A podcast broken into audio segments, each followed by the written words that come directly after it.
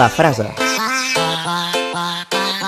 Bona nit, estimats. Encetem el segon mes del 2024 parlant de Muffet McGraw, llegenda viva de les Fighting Irish Women de Notre Dame, universitat a la qual va entrenar durant 33 anys, entre el 1987 i l'any 2020.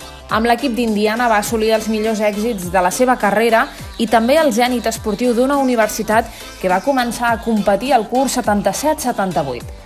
El currículum de la nostra protagonista a South Bend és de traca i mocador, un expedient en el qual destaquen per sobre de la resta els dos títols nacionals de l'NCAA, les nou participacions a la Final Four, cinc d'elles de manera consecutiva entre el 2011 i el 2015, i el balanç de 848 victòries i 252 derrotes, tot plegat amb un percentatge de victòries del 77,1%. Sumant tota la seva trajectòria, les victòries s'enfilen fins les 936, un fet que la converteixen en la sisena entrenadora amb més triomfs a la Lliga Universitària Femenina i una de les de més èxit entre categoria femenina i masculina. Nascuda un 5 de desembre de 1955 a Pottsville, Pensilvània, Muffet McGraw va formar-se a les Hawks de St. Joseph a Filadèlfia, on va jugar 3 anys ocupant posicions exteriors. Després de graduar-se va tenir la seva única experiència professional defensant durant una temporada l'elàstica de les California Dreams, equip que va competir a la primera lliga professional femenina de l'esport de la cistella als Estats Units.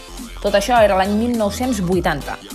Entre Sant Joseph i les California Dreams, la nostra protagonista havia començat a entrenar, en fer-se càrrec d'un petit institut de Radnor al seu estat natal, Dos anys com a assistent a la seva alma mater van ser el preludi de la seva primera gran responsabilitat, la banqueta de les Mountain Hawks de la Universitat de Lehigh a Bethlehem, també a Pensilvània. Allà va assolir un balanç meritori de 88 victòries i 41 derrotes, un fet que es traduïa en un 68,2% de triomfs.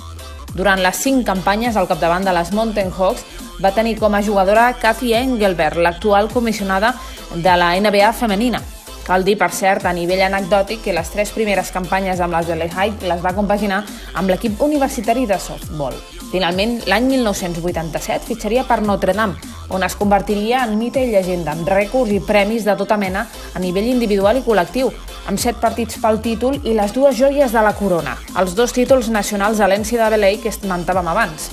El primer, guanyat a la final disputada a St. Louis, Missouri, contra les Boilermakers de Purdue, també a d'Indiana, per un ajustat 68 a 66. Un resultat que va contrastar amb la facilitat amb la qual les de McGraw havien superat les 5 rondes anteriors, on la victòria menys folgada va ser a l'Elite 8 contra Vanderbilt per 8 punts de marge.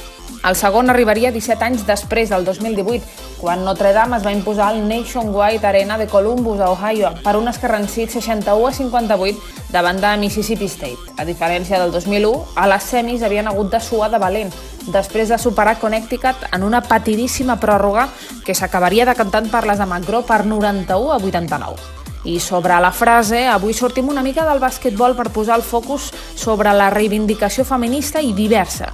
En una ocasió, Macron va expressar la seva indignació davant de la manca de referents femenines en aquests termes.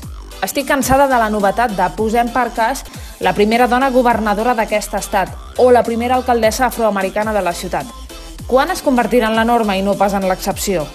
Les joves veuen algú que s'assembla a elles preparant-les per al futur?